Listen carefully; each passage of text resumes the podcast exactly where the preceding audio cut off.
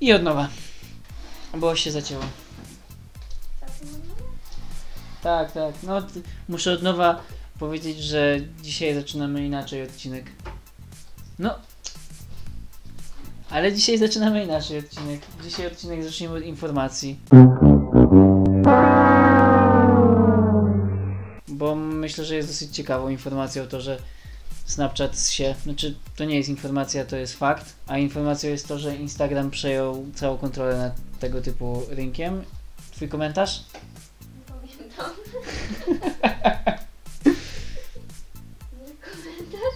Że więcej osób korzysta z Instagrama. A, więcej osób korzysta z Instagrama niż z Snapchata i jest to chyba łatwiejsze.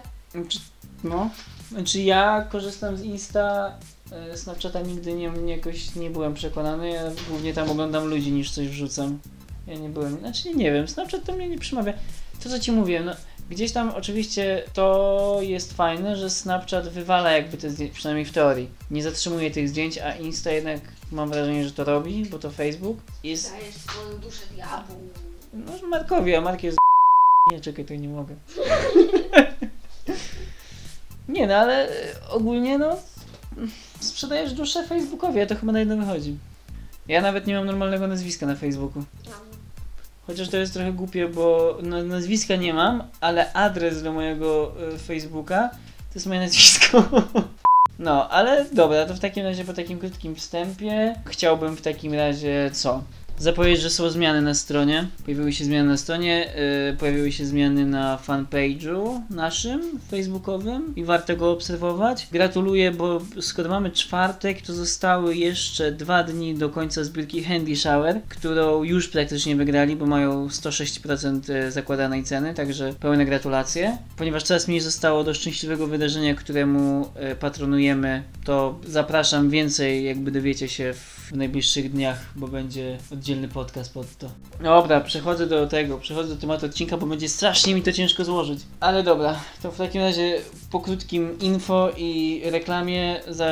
przejdźmy do tego, do meritum dzisiejszego odcinka. A Meritum dzisiejszego odcinka to jest to, o czym mówiłem w sumie ostatnie kilka razy. W sumie czepiałem się troszeczkę BlackBerry z tego powodu. Czepiałem się BlackBerry z powodu tego, że przez to, że mają tą klawiaturę, jakby zupełnie zapomnieli o użytkownikach wirtualnej rzeczywistości i rozszerzonej rzeczywistości. Jak mówiłem, jestem wielkim fanem rozwiązania e, Cardboard i wszelkiego tego typu telefonicznych rozwiązań wirtualnej rzeczywistości.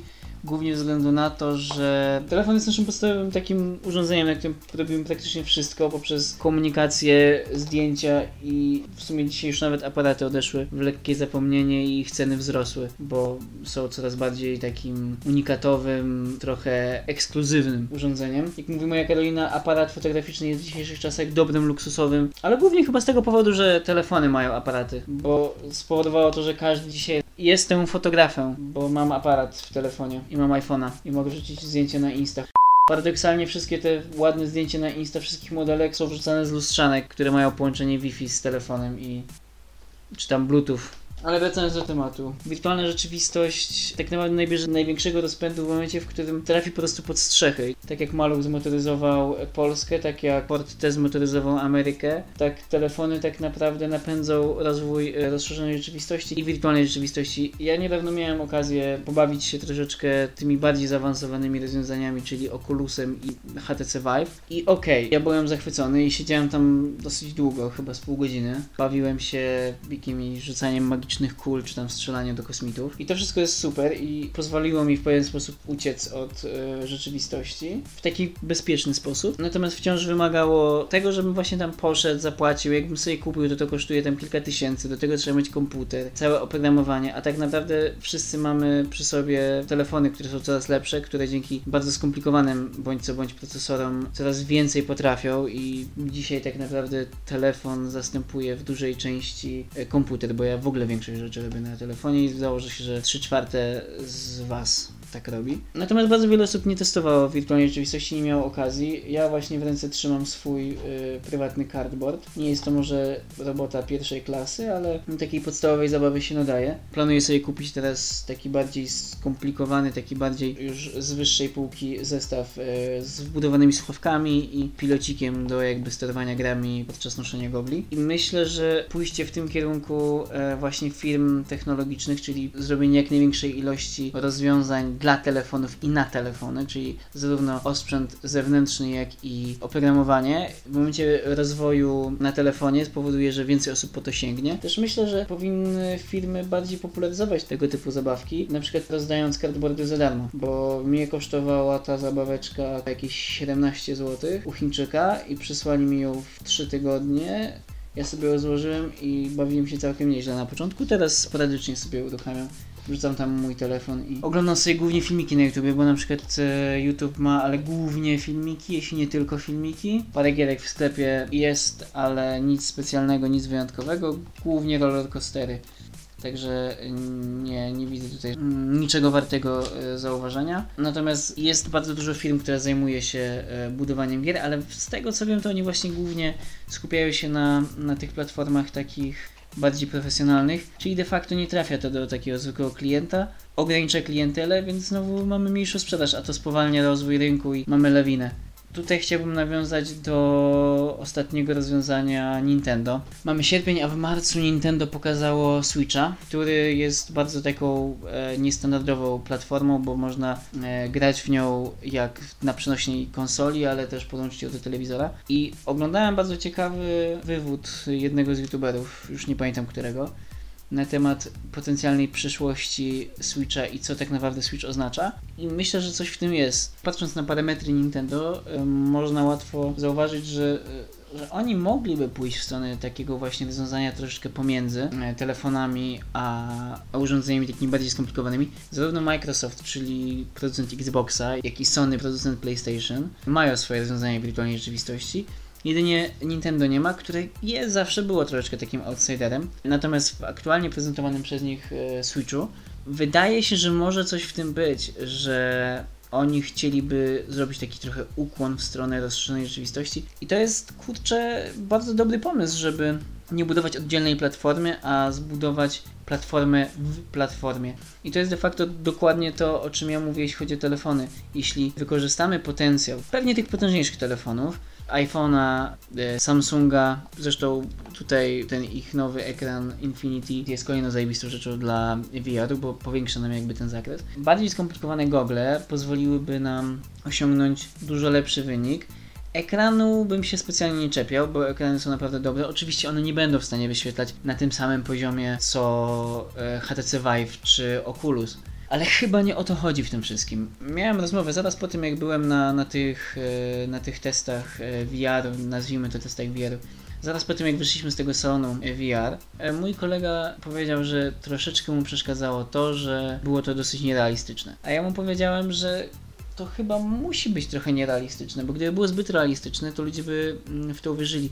Ludzie wkręcali sobie różne inne rzeczy, dużo mniej ingerujące w e, to, co widzimy, e, niż wirtualna rzeczywistość, która rzeczywiście odcina nas totalnie i daje nam zupełnie inny świat. Więc te gry muszą troszeczkę wyglądać mniej jak taki prawdziwy świat, a bardziej właśnie jak, jak, jak, jak gra, żebyśmy zachowali pewien rozum, żebyśmy mm, wiedzieli, gdzie jest granica. Telefon jest idealny, żeby świetlić takie niefotorealistyczne obrazy. Co wyższe telefony mają zarąbiste procesory, mają świetne ekrany i poradziłyby sobie z jakimiś takimi bardziej skomplikowanymi grami. Google niedawno zaprezentował Blocks, który pozwala nam na budowanie obiektów e, wirtualnych i wstawianie ich w świat realistyczny, czyli taką trochę rozszerzoną rzeczywistość gdzie tak naprawdę telefon przoduje. Nawet w moich goglach jest takie specjalne okienko na to, żeby kamera mogła tutaj widzieć. Producenci powinni wykorzystać, e, powinni wykorzystać ten potencjał. Tak samo jak, nie wiem, może zauważyliście, jestem w ogóle wielkim fanem tego, żeby telefon stał się takim naszym podstawowym narzędziem, czyli stał się komputerem, stał się narzędziem zabawy, ale i narzędziem pracy. I tak jakby przerzucam również na wirtualną rzeczywistość, bo gdyby mój telefon spełniał wszystkie te wymagania, czyli był moim komputerem, był moim telefonem i pozwalał mi na wyświetlanie wirtualnej rzeczywistości, którą kocham, bo w takiej dosyć przystępnej cenie dostaję praktycznie to samo. No jak kupię sobie iPhone'a czy Samsunga, to nie znowu takiej przystępnej, ale na pewno za cenę 3,5 tysiąca czy tam 4 tysięcy złotych dostaję również narzędzie pracy, gdzie przy zakupie HoloLens, Oculusa czy HTC Vive tak naprawdę dostaję tylko i wyłącznie tą zabawkę, a do tego jeszcze muszę dokupić strasznie mocny komputer. Te urządzenia będą się sprawdzać w takich kafejkach e, VR-owych. Natomiast na co dzień ja naprawdę preferuję trochę gorszą grafikę, może trochę mniejszy realizm, może trochę mniej opcji, ale niską cenę i stosunkowo proste rozwiązanie. Proste rozwiązania są zawsze najlepsze. I e, w sumie w tym temacie nie mam zbyt wiele do dodania. Argumentów za jest tak dużo, że aż po prostu e, ciężko jest cokolwiek zaprzeczyć. Ja wiem, to ani nie wygląda specjalnie dobrze, ani specjalnie nie jest wygodne. Gdzie naprawdę Oculus super wygodny i naprawdę fajnie się go używało. Natomiast ja cały czas czułem, że, że no nie mógłbym go mieć. Nawet dla nas w startu chyba byłby to zbędny wydatek. Wolałbym kupić super dobry telefon i e, jakieś zarąbiste gogle do niego. I jeszcze się na chwilę przyczepię do BlackBerry. Jeśli BlackBerry nie zmieni swojego podejścia, czyli zlekceważy właśnie pewne rosnące zainteresowanie VR-em, to po prostu przegra. Chociaż ja wiem, że on też troszeczkę może ma inny cel, bo celuje, celuje bardziej w zawodowców. Tylko, że jeśli telefon stał się dzisiaj już takim pszczółkiem wszystkiego, no to nie oszukujmy się, ludzie biznesu także chcą się czasem zabawić. Ja bym chciał poznać Wasze zdanie. E, wiem, że ten odcinek był trochę chaotyczny, musicie mi wybaczyć. Jest dosyć późno, dużo, dużo ostatnio się dzieje w startu, więc nagrywam go tak troszeczkę na ostatnią chwilę. Na temat, który uważam, że jest ważny, więc myślę, że jeszcze wróci w jakiejś rozszerzonej wersji e, z gośćmi specjalnymi. Ja bym chciał poznać Wasze zdanie. Zapraszam Was oczywiście do polubienia naszego fanpage'a. Zapraszam Was do obserwowania naszej strony. Zapraszam Was do zapoznawania się z bazą danych, która się cały czas rozwija i to bardzo, bardzo prężnie. Chciałbym, żebyście spojrzeli sobie jeszcze raz na Handy Shower, czyli projekt, któremu już się udało wygrać, a zostały jeszcze mu dwa dni zbiórki. I zapraszam w przyszłym tygodniu na kolejny odcinek Mainstream Technology, najmniej znanego podcastu technologicznego w Polsce.